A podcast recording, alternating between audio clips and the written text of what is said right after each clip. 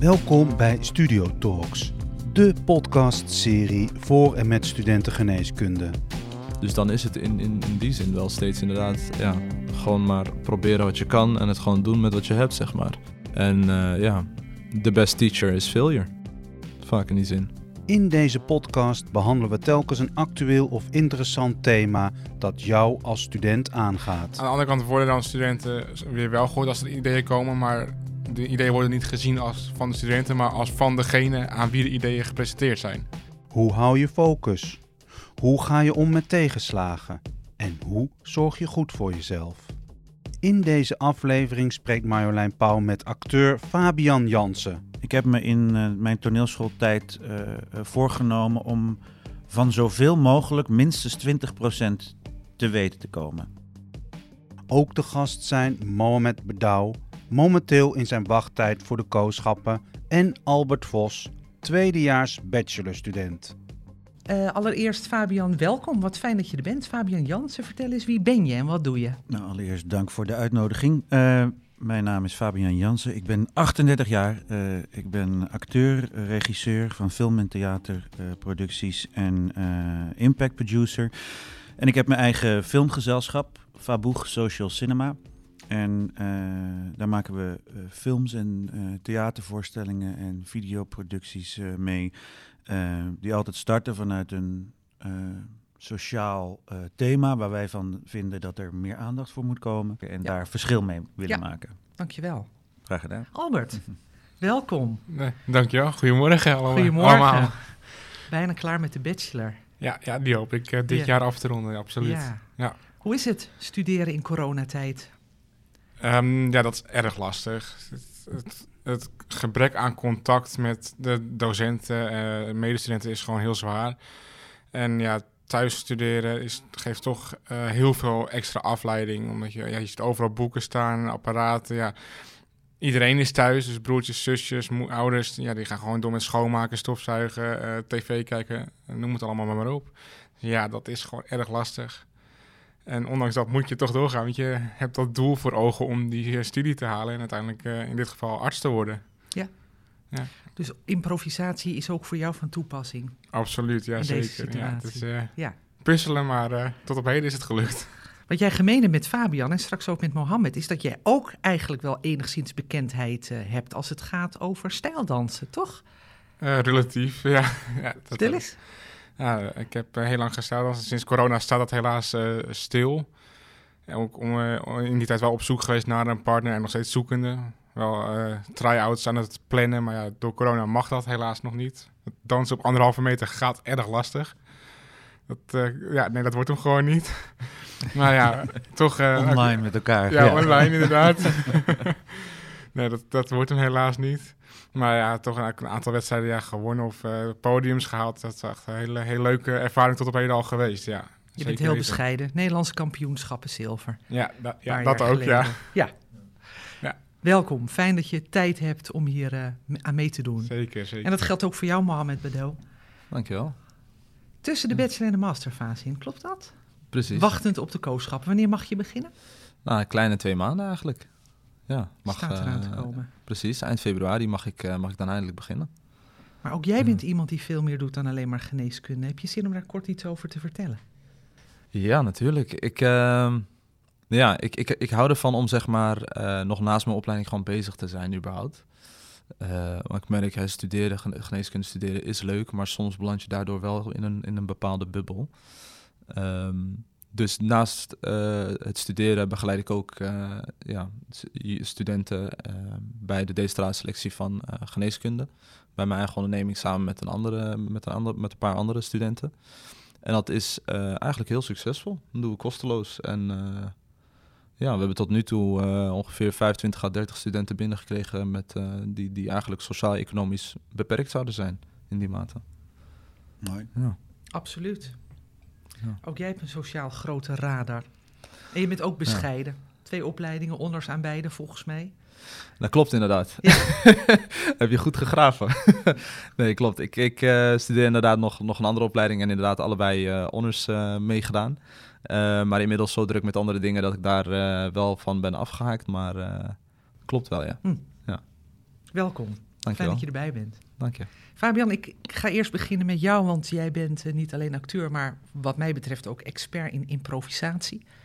Is dat de reden dat je geen script wilde hebben? Eh, ja, Ja. ja, is niet nodig. Nee, heel goed. Sterker nog, als ik als acteur eh, in een productie stap, eh, heb ik het liefst zo min mogelijk tekst aan het begin, eh, omdat ik het improviseren gewoon het fijnste vind. De vloer op heb je ook meegespeeld. Dat is Ja. pure improvisatie, denk ik. Ja, correct. Ja. Is er een definitie van improviseren? Als ik het moet uitleggen aan studenten, zeg ik vaak: eh, het is kijken, luisteren en op het juiste moment reageren. En dat klinkt heel simpel, dat is het ook, als het kan. Maar heel veel mensen, op het moment dat je iets als opdracht krijgt, eh, eh, ga je, is de kans groot dat je iets heel erg gaat doen. Dus je gaat heel erg kijken, eh, ehm, waardoor je misschien veel minder gaat luisteren. Of je gaat heel erg zitten luisteren, waardoor je eigenlijk vergeet te kijken. En het kan zelfs zo zijn dat je heel erg goed aan het kijken en heel erg goed aan het luisteren bent. En daardoor zo gefocust bent dat je eigenlijk vergeet op het juiste moment te reageren. Je zegt dat, als, dat vertel ik tegen studenten, je geeft ook lessen op de Ja. toneelschool. Ja, ja, ja. eh, verschillende scholen. Ja. Dus improviseren valt te leren. Het valt te leren, ja. ja. Zeker. Wat, wat heb je nodig om het goed te kunnen doen? Ehm, je moet eigenlijk eh, eh, een aantal dingen. Je hebt een archief nodig. Eh, een archief, daar bedoel ik mee een, een hersenpan gevuld met van alles. Ehm, ik heb me in mijn toneelschooltijd voorgenomen om van zoveel mogelijk minstens 20% te weten te komen. Dat houdt dus in dat ik, eh, ik koop tijdschriften die ik nooit zou kopen. Eh, die, waar ik, die helemaal niets met mijn hobby's te maken hebben of zo. Eh, bijvoorbeeld over sportvissen of over make-up of over haken of weet ik het wat. Gewoon om een keer erin te duiken en wat gebeurt er nou mee. Ik kijk boeken, lees, lees boeken, kijk films, eh, podcasts waar die helemaal niet in mijn interessegebied liggen, maar waardoor je die interesse wel krijgt. En eh, waardoor je als eh, acteur eh, nooit ehm, inspiratieloos hoeft te zijn. Dus ik kan altijd putten uit iets. Nou, er zijn een heleboel technieken eh, binnen eh, improvisatie om, eh, eh, om aan de slag te gaan. Eén daarvan is eh, eh, gebruik je vragen. Het kan bijvoorbeeld zijn eh, dat ik eh, nu gewoon naar jou kijk en eh, zie hoe jij je bril op je neus hebt zitten. Dat is anders dan de bedoeling is. Dan, ik draag ook een bril, dus ik kan denken, oh, misschien is het de bedoeling dat we dat hier allemaal precies op het puntje van ons neus zetten. En als iedereen dat begint te doen, dan hebben we ineens meteen al een heel andere verhouding dan wanneer ik hem recht zet en jij dat ook zou doen. Eh, dan is het gewoon, zijn we gewoon twee brildragende mensen. Maar nu als we over onze bril kijken, eh, ja, dan is daar al meteen een andere spanning. Dus ik, en, of ik kan ook vragen, is het de bedoeling dat ik, dit, dat, dat ik mijn bril zo zet? Mhm. Of waarom kijk je me zo indringend over je bril aan? dat zijn, hè, daarmee Ja. heb ik meteen, is er een, meteen een opening voor, voor een scène. Eh, maar het kan ook zijn als iemand bijvoorbeeld een t-shirt aan heeft met eh, Oxford University. Al heeft hij er heel niet op gezeten en is het gewoon een, een, een student of een collega-acteur die zo'n shirt aan heeft. Kan ik ook vol in het Engels beginnen te praten of, te ze- of zeggen van... Goh, had jij ook les van eh eh Theodore Dalrymple? En hoezo? Ja, die studeert, die heeft toch, geeft toch les op Oxford? En ja, dat moet je dan net weten, uit, je, eh, uit dat archief kunnen halen.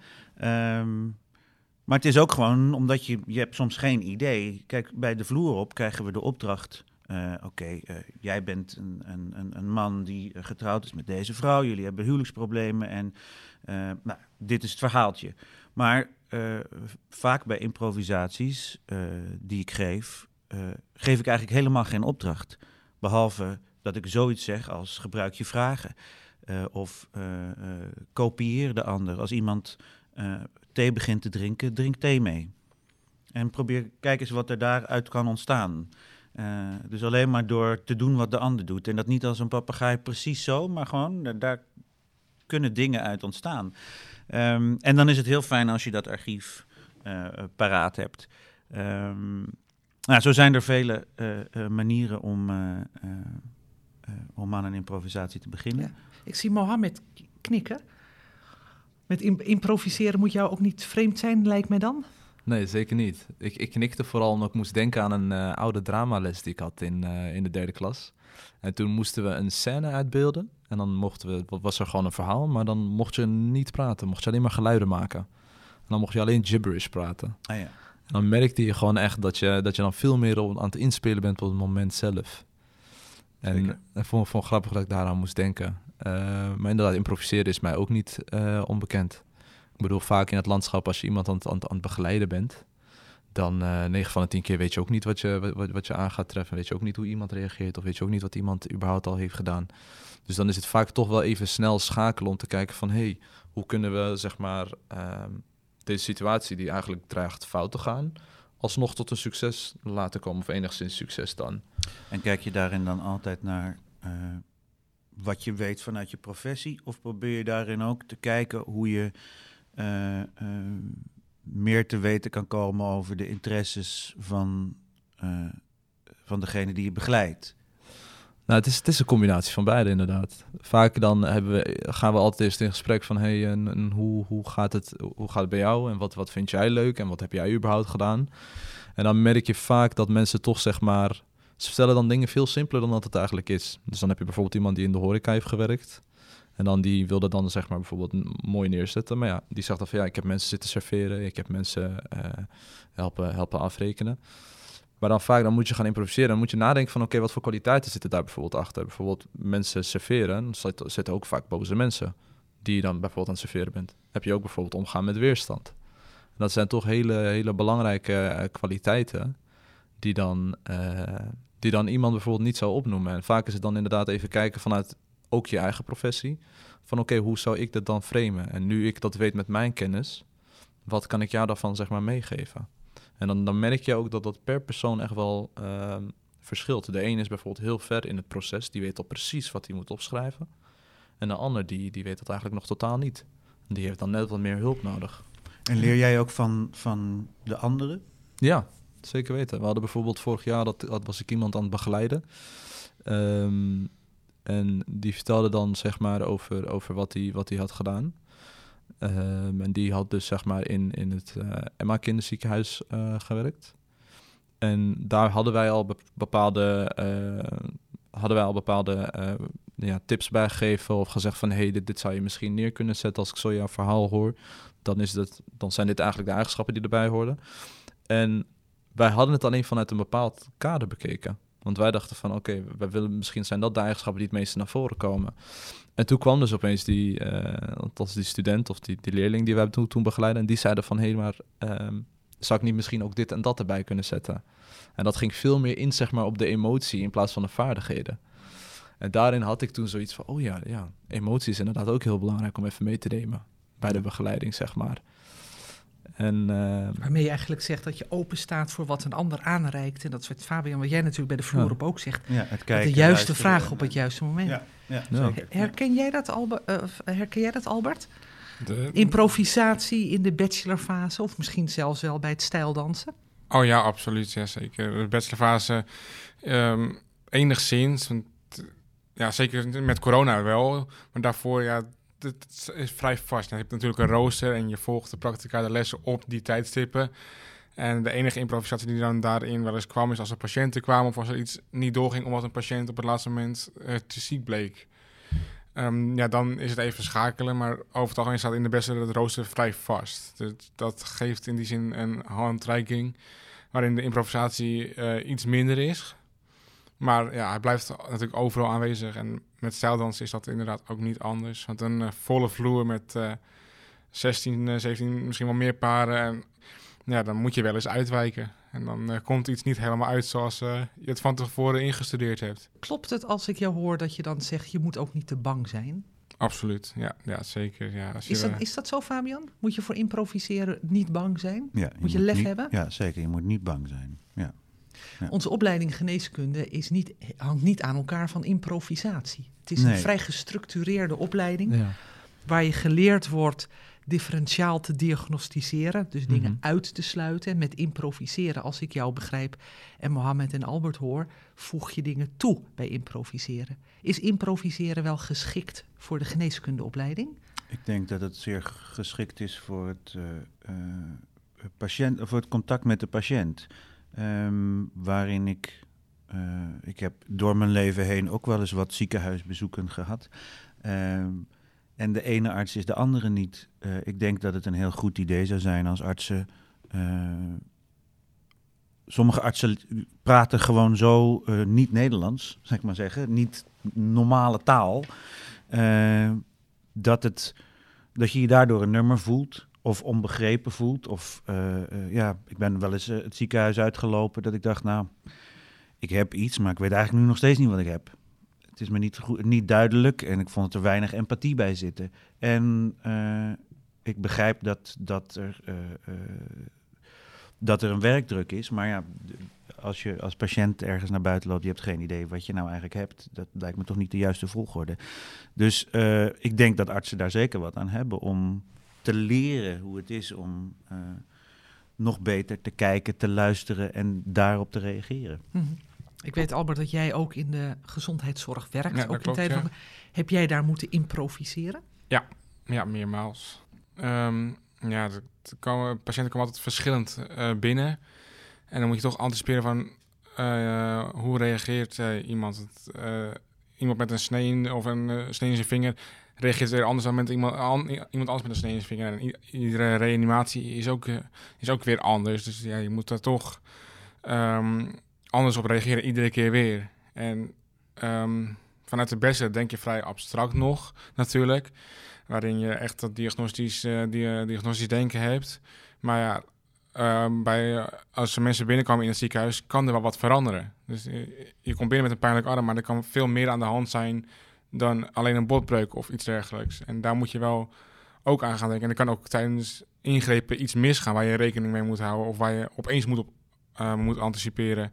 Dus ja, als je dat, uh, die, mogen, die uh, kunde moeten wel uiteindelijk in gaan groeien. Ja, zeker weten. Dus niet alleen alles wat je geleerd hebt, maar ook toepassen op degene die op dat moment voor je staat. Ja, en die ja. weer reageert op wat er met hem aan de, aan de hand is. Nou ja, ik denk vooral nu ook in een tijd waarin je steeds meer hoort over agressie tegen zorgpersoneel. Uh, ambulancebroeders, maar ook verplegers of noem het op. daarin zul je toch moeten deescaleren. En dat is niet alleen een boekje. Je zal vast daar les in krijgen en zo niet, uh, geef ze les erin, zeg ik dan nu tegen de artsen en professoren. Uh, maar um, uh, daarin moet je kijken, ja, wat kan ik met deze meneer of deze mevrouw doen om hem of haar rustig te krijgen. En, maar ook om iemand te horen. Want er zit altijd ergens een, een reden waarom iemand begint te schreeuwen of, of ja, een, ja, je wilt aanvallen of de dingen doet zoals hij het doet. Ja, klopt. We gaan, uh, we gaan ook nog met iemand spreken op dit moment die we gebeld hebben. Dat is Jessica de Jonge. Zij is teamleidster van de implementatieteam van het Amsterdam UMC. En toen zij tijdens de uitbraak van COVID-19 met haar team uh, stond zij voor de schone taak om uh, de implementatie van digitale toepassingen in de polyklinieken van het UMC uh, te volbrengen, zoals videoconsulten. Dat betekent dat zij van de een op de andere dag de werkers van de polykliniek uh, moesten voorbereiden op het werken met videoconsult. En we gaan haar eens horen hoe ze dat gedaan heeft. Het implementatieteam heeft tijdens de coronacrisis ervoor gezorgd dat zo snel mogelijk heel veel zorgverleners uh, konden videobellen. Maar in het ziekenhuis was het al wel heel lang een doelstelling. En de wens dat er meer consulten door middel van video gedaan zouden worden. Maar op de een of andere manier kwam het gewoon niet van de grond. Omdat je toch zag dat mensen op hun vaste stramien werkten. Mensen werken altijd al op dezelfde manier. Die vinden het ook leuk dat een, dat een patiënt langskomt. En dat, dat hoort zo, denken mensen. En eigenlijk pas doordat er door corona die urgentie er was, moesten mensen wel. En ervaarden afdelingen ook zeker de voordelen van het, van het doen van een videoconsult nou ja, we moeten echt goed nadenken van nou, hoe kunnen we nou ervoor zorgen dat we honderden zorgverleners zo snel mogelijk laten videobellen. Dus er werden eigenlijk gewoon karretjes, heel praktisch richten we het eigenlijk in. Uh, er kwamen karretjes waarop iPads um, neergelegd werden. En mensen gingen met die karretjes uh, iPads rondbrengen alsof het zoete broodjes waren naar zorgverleners toe. En heel veel presentaties gegeven over hoe werkt het videoconsult. Om het zo snel mogelijk bekend te maken bij alle zorgverleners. Dus eigenlijk heel praktisch gehandeld. Um, waarbij we waarschijnlijk normaal gesproken had je hier heel veel vergaderingen aan moeten wijden en heel erg moeten nadenken en een proces helemaal uitschrijven. Maar nu, ja, we gingen gewoon. Nou, ik denk toch dat je dan heel vaak wordt tegengehouden door regels, door vragen of door dus dat mensen het eigenlijk aangeven het spannend vinden, ze willen het niet. En nu moest het en daardoor was het, we gaan dit gewoon doen. En iedereen moet wel mee, want we willen ook de zorg door laten gaan.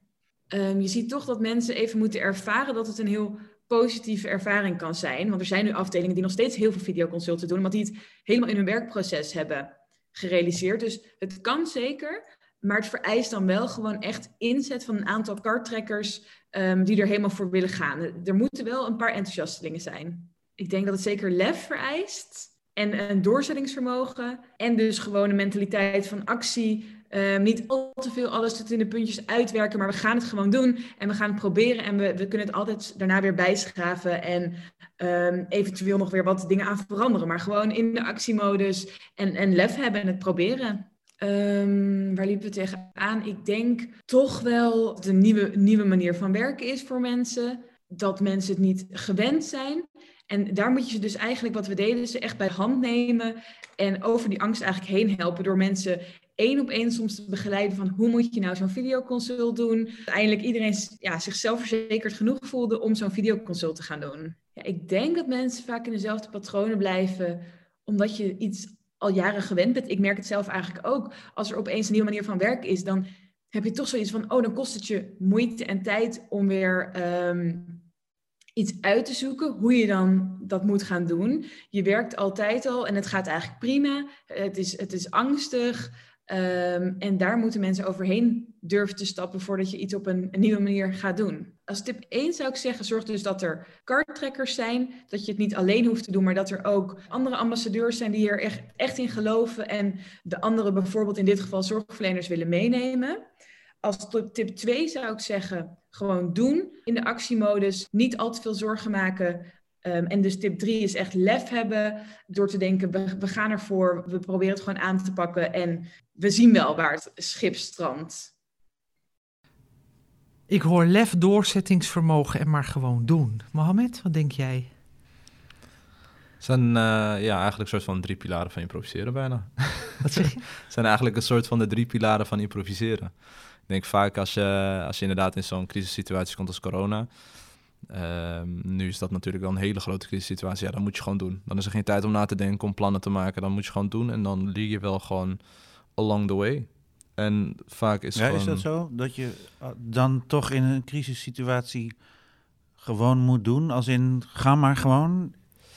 Dat is, althans, zo zou ik het dan in ieder geval doen. En ik merk ook dat heel veel, uh, nou, bijvoorbeeld met mijn werk, uh, ik werk namelijk ook op de huisartsenpost zij moeten natuurlijk ook elke keer maar van die uh, luisteren naar de regels en dat verandert ook weer elke keer. Ja. Dus dan is het in, in, in die zin wel steeds inderdaad, ja, gewoon maar proberen wat je kan en het gewoon doen met wat je hebt, zeg maar. Ja.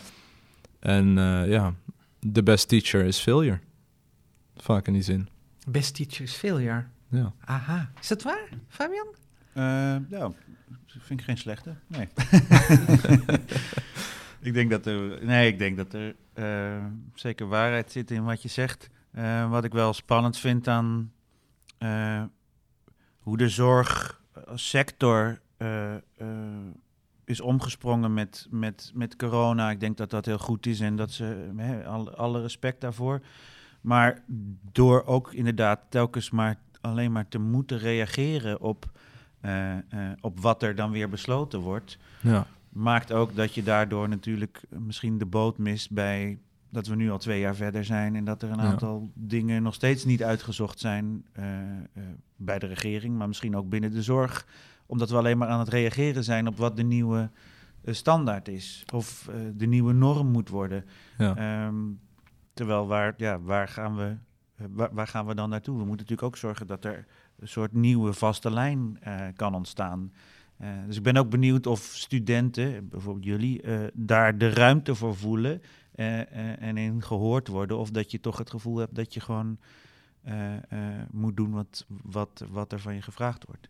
Ik kijk naar Albert. Um, dat, dat heeft denk ik twee kanten. Enerzijds um, studenten worden gek genoeg toch wat minder gehoord in de ziekenhuizen.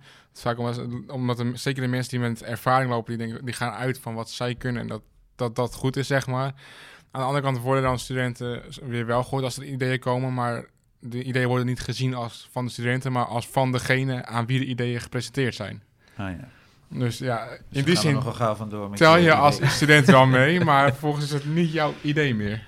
Ja. Ja, dus ze doen er ja, in zekere zin wel wat mee, maar ze laten niet blijken dat ze er wat mee doen, zeg maar. Dus ja, ja het, heeft twee kanten. En dan kom je misschien wel op de pijler van het doorzettingsvermogen, wat Jessica net noemde. Ja. Niet alleen lef, maar ook doorzettingsvermogen. Heb, hebben jullie de ervaring, kijk even naar Mohammed, dat er mensen zijn die ambassadeur zijn in durven improviseren, dat dat, dat, dat scheelt? Dat dat de weg voor jou makkelijker maakt? Nou, in mijn, in mijn persoonlijke omgeving, want ik, eh, ik ben namelijk eerste generatie student. Dus mijn ouders die zijn vanuit Marokko hier naartoe gekomen. Ehm, en als ik dan eigenlijk een beetje naar hun kijk en hoe, hoe zij het een beetje hebben gedaan, dan eh, was dat inderdaad ook heel erg improviseren. Dus in die zin wa- waren mijn ouders bijvoorbeeld mijn, mijn ambassadeurs voor, voor het improviseren. En ik merk wel dat als jij bijvoorbeeld iemand hebt van wie je dus inderdaad improviseren kan leren, dat je kan, een, beetje, een beetje kan afkijken van... hé, hey, wat zijn nou dingen die ik moet laten? Wat zijn nou dingen die ik echt misschien juist moet vasthouden? Dat, dat helpt al sowieso heel veel in, in, in het leren improviseren. En dat maakt de weg ook veel makkelijker om dingen uit te proberen. Wat heeft het jou gebracht om hun als voorbeeld te hebben? Nou, ik merkte bijvoorbeeld bij ehm, mijn ouders... eh, want wij, omdat zij natuurlijk eerste generatie waren... Hè, dan, dan kom je toch al vanuit een bepaalde sociaal-economische klasse...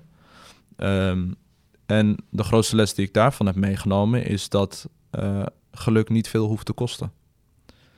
Vaak zie je nu bijvoorbeeld dat eh, mensen, eh, of althans mensen, als ik kijk in mijn persoonlijke kring en ook daarbuiten, dan zie je vaak dat mensen als ze een leuke vakantie willen hebben, dan gaan ze of naar verre Azië, of dan gaan ze naar het Midden-Oosten.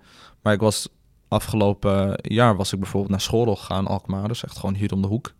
Ik had het daar tien keer leuker dan dat ik het in Thailand had voor die drie weken.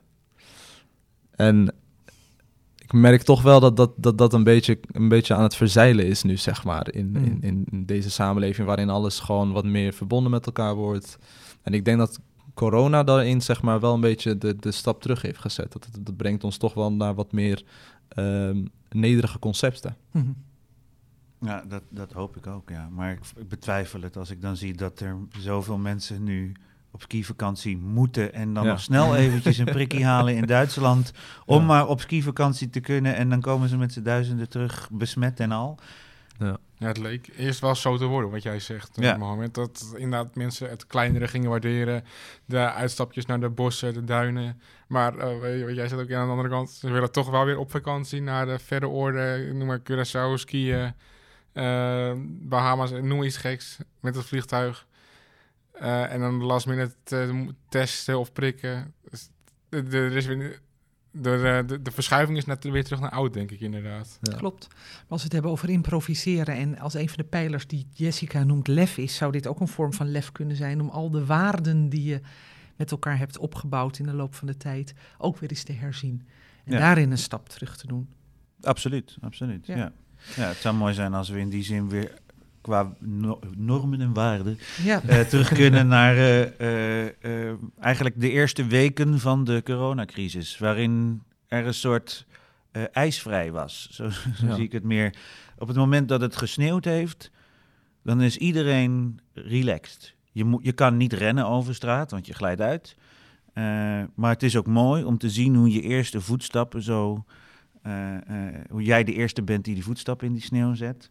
Nog niet Ja. dat het van die, van die eh, piskleurige eh, sneeuw is, maar echt wit. En dat je denkt, ja, hier, hier wil ik in wandelen. En iedereen wordt rustiger en wordt vrolijker en kijkt naar elkaar, heeft aandacht. Mensen groeten elkaar ineens in, in, eh, in, in de straat, waar dat soms al helemaal niet meer de gewoonte is.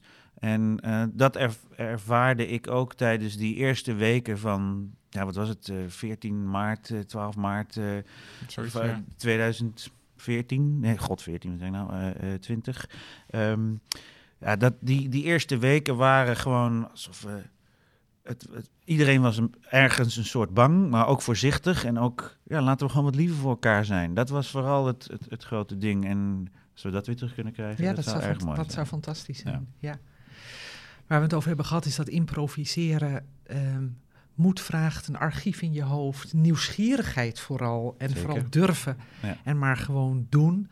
En dat het binnen onze geneeskundeopleiding niet vanzelfsprekend is, want daar word je geleerd om ziektebeelden te herkennen en andere eh, syndromen, symptomen uit te sluiten. Ehm, maar dat er een grote toegevoegde waarde kan zijn voor improviseren en nieuwsgierigheid. Niet alleen als het moet, in coronatijd of zoals Jessica met iPads op haar karretje, maar ook werken op de eerste hulp. Een boze patiënt of de een met een snee in zijn vinger is niet de ander. En daar valt wat in te leren, had ik van jou begrepen, Fabian. Want jij hebt een oefening, begrijp ik, Ja. die we zouden kunnen doen. En mag ik je uitnodigen om daar eh, ons wat van te laten horen? Ja, zeker. Ja. Eh, wat we gaan doen ehm, is het volgende, jongens. Ik wil jullie vragen of je zometeen een minuut lang eh, een verhaal wilt vertellen. Door elkaar heen. Dus wacht niet vooral. Vertel gewoon in jouw microfoon een minuut lang een verhaal. Het ma- maakt echt niet, het mag verzonnen zijn, het mag, eh, het mag zijn wat je vanochtend gegeten hebt. Het maakt eh, echt niet uit. Het kan of gisteren op, of het laatste feestje wat je ooit hebt gehad. Dat is Eh, lang terug. Dat is lang terug, dus improviseer vooral. Maar één minuut lang, en ik time het ook, ehm, spreek je gewoon, vertel je een mooi verhaal. Ja? Eh, daar gaan we even naar luisteren, dames en heren. Spreken we beide tegelijk? Ja, gewoon tegelijk door elkaar heen. Hé. Ja, dat, Yes. Daar gaan we. En start. Nou, Nou, dat, ik was eh, dus in Thailand goede twee jaar geleden maar, eh, eigenlijk. wat ik en hier eh, nou toen waren we in Chiang Mai en toen waren we dus laatste de markt. feestje, dat is En twee toen, jaar terug geweest alweer. waren we daar dus eigenlijk een vrouw Voor corona. die een paspoort Goed feestje, maakte. veel mensen. En, eh, En daarna? zij maakte dat echt Ja, vier mensen maximaal. vier Dat was toch erg zwaar. En uh, Eh, nou, wij hadden dus toen een paar paspoorthoesjes bij paar haar vrienden erin afgenomen. en, En, toen eh, gingen we dus ook met haar Ja, in gesprek van... erbij, Hey, chips, films ehm, gekeken, muziek geluisterd. voor wat doe je dit eigenlijk? Waar, gaat het geld naartoe? En uh, hoezo sta je hier de hele dag op de markt? uiteindelijk eh, te veel gedronken ze wordt. dus eigenlijk dat ze ook een uh, als zoontje had geneeskundige die moet je heel toch weten veel dat het eigenlijk de- niet goed voor heel je is, goed maar dat het wel aan- gebeurt. aan Wel, 500 zeker. mensen bereikt. En- wat, wat wel heel Goed, goed dankjewel is. jongens. Hoe was dit om te doen? Het is ehm, erg lastig, want je, je hoort naast je iets anders, dus terwijl je eigenlijk naar luisteren. Ja. Maar ondertussen, ja, je doet dan gewoon je eigen verhaal. Dus Ja. de focus is dan heel, heel moeilijk. Van waar ga ik op letten? Mijn eigen verhaal ga ik luisteren? Ga ik reageren? Mhm. Dat, dat is al erg, eh, echt eh, wel even kijken van hoe ga ik dat doen? Had jij, had jij ook dat je zeg maar gewoon op één punt in de camera aan het focussen was en dat je gewoon Ja, doorging? ja. ik bleef naar dat, in dit geval het scherm kijken, want dan kon ik inderdaad. Oké, gaan we nu naar het tweede deel van de opdracht. Ehm, vertel het verhaal wat de ander zojuist heeft verteld. Wauw. En je hebt daar eh, wederom een, eh, een minuut voor. We gaan luisteren naar eh, wat ze zojuist van elkaar hebben onthouden. En vertel het in de ik-vorm zoals de ander het verteld zou En hebben. nu los van elkaar? Nee, tegelijkertijd gaan we weer. Nou, ik weet in ieder geval dat ik, niet, dat, dat, ik heel, dat ik me niet kan herinneren hoe lang geleden het laatste feestje was. En ehm, Ik, ik, eh, dat was zeggen- volgens mij het enige wat ik nog weet van het verhaal, joh. Nou, we dat stoppen weet je hem meer al. dan ik. Het is, eh, ja, kijk, dit is precies. Ik heb natuurlijk ook eh, ver- bewust niet gezegd. Let heel erg goed op die ander. Eh, maar dit is, onder, dit is precies wat, er, wat het belangrijkste is bij improviseren. Ehm, eh, en ook denk ik binnen jullie werkzaamheden. Stel je staat straks aan een operatietafel. En eh, je, je bent aan het snijden. Je bent heel erg gefocust op je eigen ding. Maar er gebeurt ergens iets. Er valt een schaal om met, eh, met instrumenten. Of eh, eh, ja, dan, je moet alles meekrijgen. Mhm. Maar je moet je ook blijven focussen. Ehm, dus we gaan het nog eens doen. Een nieuw verhaal. Maar Ja. let nu op elkaar. En kijk elkaar aan terwijl je dit spreekt. En misschien heeft het, helpt het ook om bijvoorbeeld eh, ehm, een aantal woorden iets meer, eh, iets vaker te herhalen. Eh, zonder dat het een saai verhaal wordt waarin je zegt: Ik eh, ben op de fiets gekomen, ik heb een hele grote fiets, het is een rode fiets. fiets. Als je dat elke keer blijft zeggen, dan is natuurlijk, ja, niemand koopt daar een kaartje voor. Eh, het moet wel een mooi verhaal zijn en je wel gewoon bezig zijn met wat je wilt vertellen, maar probeer de woorden soms te herhalen, soms eventjes iets meer volume te maken. Als je weet, oh, hij is heel hard aan het praten, gebruik dat moment eventjes om een klein beetje te luisteren naar wat hij vertelt. Terwijl je wel door moet praten. Maar andersom ook, als je weet, oh, ik heb nu heel hard gesproken.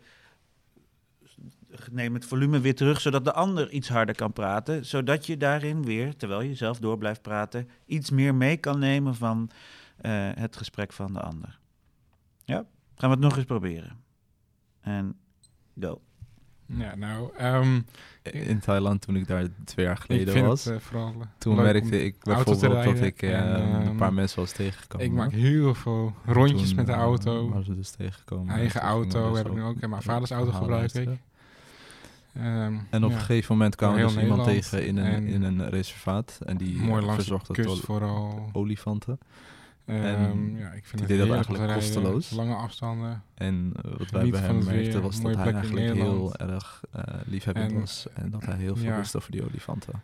Ehm, Oké, zetten we hem even tot hier. We zijn er op een halve minuut. Eh, wat kun jij even, even doen we het eventjes los van elkaar. Albert, zou jij kunnen vertellen wat hij zojuist heeft verteld? Ehm, wat ik eh, meegekregen van, de- in Thailand, eh ik daar gewoon een heel mooi land vond. En eh, ehm, iemand wat met de olifanten verzorgen, heb ik het eh, goed, ge- goed Ja. verstaan. Ja. Was jij, heb je dat, was, was je dat, of je dat zelf was, dat heb ik niet helemaal meegekregen. Nee, dat, dat, was, niet, Ah, dat was oké. ik niet zelf. Oké. En wat heb jij meegekregen? Nee, ik heb meegekregen dat je houdt van, eh, van in ieder geval autorijden. En dat je ook ervan houdt om langs lange kusten te rijden. Ehm, en volgens mij zei je ook dat het een mooie auto was. Ehm, maar ik weet niet of het je eigen auto was of van iemand anders. ja, Dat- dat- of mijn eigen auto of mijn vaders auto, ja. Precies, ja. En wat maakt nu dat je eh, nu wel meer verstaan hebt dan de eerste keer? Nou, ik denk, je kijkt, je kijkt elkaar aan. Mhm. Dus dat, dat helpt sowieso, zeg maar. Dan, dan zie je ook hoe de mond zich vormt en dan luister je ook wat meer. Ehm, en ik denk dat we ook, zeg maar, heel erg probeerden af te wisselen van wanneer gaat iemand hard en wanneer Mhm, gaat ja. iemand zeker. ja, dat, Ja. dat merkte ik ook inderdaad, ja. En Ja. dat, dat helpt toch wel, zeg maar, erbij dat je ook een verhaal hoort Ja. en tegelijkertijd ook een verhaal vertelt. Maar je merkt dan toch dat als je aan het vertellen bent, dat je dan wat minder goed hoort. En als Ja. je aan, als je aan het Ja. luisteren bent, dat je Ja. dan je verhaal, zeg maar, soort van afzwakt. Ik denk dat als je het ook straks terug hoort, eh, dat je zult horen het moment dat je eigenlijk meer aan het luisteren was, dat je verhaal eh, ineens tien keer minder interessant werd. Ja, Ja, zeker. Dat je echt een beetje woorden aan het brabbelen was om maar door te praten. En ja, dat is natuurlijk iets wat, eh, eh, wat, wat straks, als je, stel je zou dit blijven doen als oefening, eh, ehm, waar, ja, dat je, dan moet je ervoor zorgen dat je verhaal altijd scherp blijft. En altijd mooi en altijd spannend en nooit saai. En ook in tonen en in wendingen. zal het een, een, een spannend verhaal moeten blijven of, of, of boeiend. Terwijl je toch altijd moet horen wat de ander doet. Ik denk dat dat is wat je. Eh, eh, wat er soms bij patiënten en eh, doktoren eh, of verpleegkundigen kan gebeuren. Dat je langs elkaar heen praat, omdat je allebei zo in je eigen bubbel zit. En het zou mooi zijn als je, denk ik, daarin ja, zou de medische zorg en de zorgsector improvisatie best kunnen gebruiken. En bijvoorbeeld dit soort technieken. om te leren luisteren naar elkaar terwijl je allebei op een eigen denkspoor zit en toch je verhaal aan de ander over wil brengen. Daarin merkte ik wel dat echt dat contact wel al een heel groot verschil maakt. Als, als je inderdaad dat contact wel hebt, dan is dat beter, dan gaat het wel beter dan wat we het eerste gedeelte van de oefening deden, dat we alle twee een kant opkeken om maar te blijven praten. Ja, precies. Ja, jullie blokten elkaar daar echt en je dacht, oké, ik moet mijn verhaal heel duidelijk vertellen. Je zei het zelfs al, ik kijk recht naar voren, een punt, één punt in de kamer, want dan kan ik me focussen op het verhaal. En, eh, eh, maar ja, er is, altijd het, er is altijd het verhaal van de ander. Terwijl, en, en dat is mooi van improviseren, je moet het samen doen. Kijk, als je in je eentje bent, dan maakt het eigenlijk allemaal geen drol uit. Maar we leven nu met elkaar en ja, daarin moeten we het echt dan ook eh, met elkaar doen. En ieders verhaal eh, eh, doet ertoe, denk ik. Dank je Fabian. Voor, het was leuk om naar deze oefening te kijken. Graag Als gedaan. toehoorder. Ik denk, waar gaat dit over? maar dan, dan te zien, dat, ik zag het ook gebeuren, eh, Albert, dat het maken van contact, het echt kijken naar de ander terwijl je met iemand in gesprek bent. En hoe vaak is niet de neiging om op papier te kijken, ook voor jullie denk ik als toekomstige artsen, om ook te zien wat je allemaal nog in een gesprek kwijt wil. Fabian, dank voor de tijd die jij uh, hebt vrijgemaakt in Graag jouw gedaan. drukke schema. Ja. Um, wat voor tips zou je ons nog willen meegeven binnen de geneeskundeopleiding als het gaat over improviseren? Je hebt al een hoop genoemd, maar wat zou je er nog willen uitlichten? Kijk gewoon, leer kijken naar je, uh, naar je patiënt. Uh, en dan niet zozeer naar de wond uh, of alleen de ziekte, maar kijk iemand in de ogen.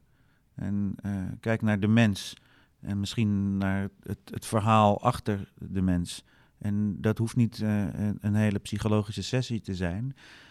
Uh, en als je van alles een beetje weet, dus minstens 20% van alles probeert te weten, uh, dan kun je altijd met iemand meepraten en altijd interesse wekken bij mensen. waardoor ze ook weer beter naar jou proberen te luisteren. Kon je zeggen, wees nieuwsgierig en Ja. open en, en creëer een archief waaruit je kunt putten. Ja. Ja, dankjewel. Graag gedaan. Albert, dank voor je komen hier de voorbereidingen van de laatste fase van de bachelor. Vond je het fijn om mee te doen? Zeker, ja. Was erg leuk. Ja? Absoluut. Wat voor tips zou jij voor je collega-studenten hebben, nu we zo eh, met deze podcast bezig zijn? Ehm, nou, vooral st- st- eh, sta open om te leren en te anticiperen. Blijf niet binnen, eh, binnen je kader. Wat ik ook al zei, de ervaringen die ik zelf heb. Niet iedere snee is hetzelfde en die moet je dus ook niet hetzelfde behandelen. Eh, neem, ja, neem dat vooral mee inderdaad. En ja, pas je op iedere situatie weer aan. Want iedere nieuwe patiënt is weer een andere persoon. Ja, ik hoor je zeggen, blijf nieuwsgierig. Ja. Zeker. Dankjewel. Mohamed, dank je voor komen. Dankjewel voor de uitnodiging. Ja, graag gedaan. Nog dingen die jij wilt delen met ons en met je collega-studenten? Nou, durf lef te hebben. Ehm, vaak zitten we zo vastgeroest in het systeem en, en in de sleur waar we in zitten, dat, dat je vaak toch wel een beetje je eigen interesses laat liggen. En vaak door middel van improviseren en net wat eh, ja, creatief plannen, kun je ook de dingen doen die je ook daadwerkelijk echt, waar je, waar je energie ook echt van krijgt. Al be het geneeskunde, al is het iets anders. Dus durf daarin gewoon te improviseren en ja, gewoon de dingen te doen die je leuk vindt. Denk ruim en durf, hoor ik je zeggen. Dankjewel. Fijn dat je meegedaan hebt aan de podcast. Dankjewel. Ja. Dit was Studio Talks, gepresenteerd door Marjolein Pauw.